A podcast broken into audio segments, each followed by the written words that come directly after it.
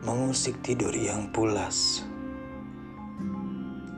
Mereka cuma ingin mimpinya kembali.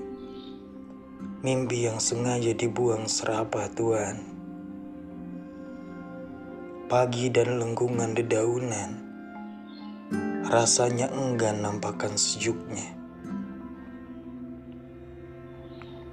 Karena Tuhan sengaja rampas semua manusianya.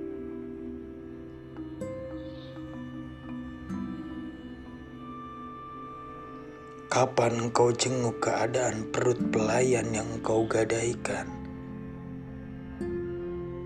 Bersama doa yang dipanjatkan, berharap luka menjadi santapan lezat mengisi saban hari.